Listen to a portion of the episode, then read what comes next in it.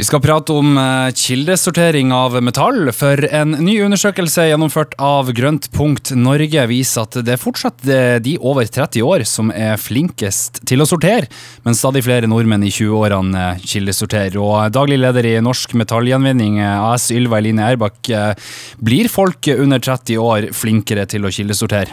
Ja, vi har igjen ny undersøkelse nå som ble gjennomført i august, sett at de under 20 år har blitt veldig mye bedre. De har gått fra ca. 67 til det vi ser i år på 71. Og de er ikke like gode som de over 30 enda, men de har blitt veldig mye bedre, og det er vi skikkelig glad for. fordi det er jo de som skal hjelpe oss med å nå målene våre på sikt. Og vi, eh, vi, trenger alle, vi trenger at alle bidrar for at vi skal få kildesortert det så godt vi kan. Og, og få gjenbrukt det materialet vi alle er avhengig av at vi kan bruke så lenge som mulig. Ja, for vi vet jo at det er viktig å kildesortere, men, men hvorfor er det viktig å kildesortere metallemballasje? Jo, Det er viktig av to grunner. Det ene er at metallemballasje gjør seg veldig godt til gjenbruk. Vi klarer å gjenvinne og bruke materialet igjen og igjen og igjen.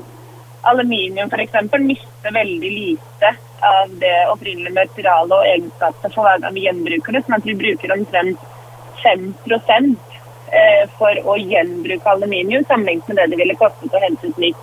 I tillegg til at vi på en måte må hente ut nye råvarer av naturressurser.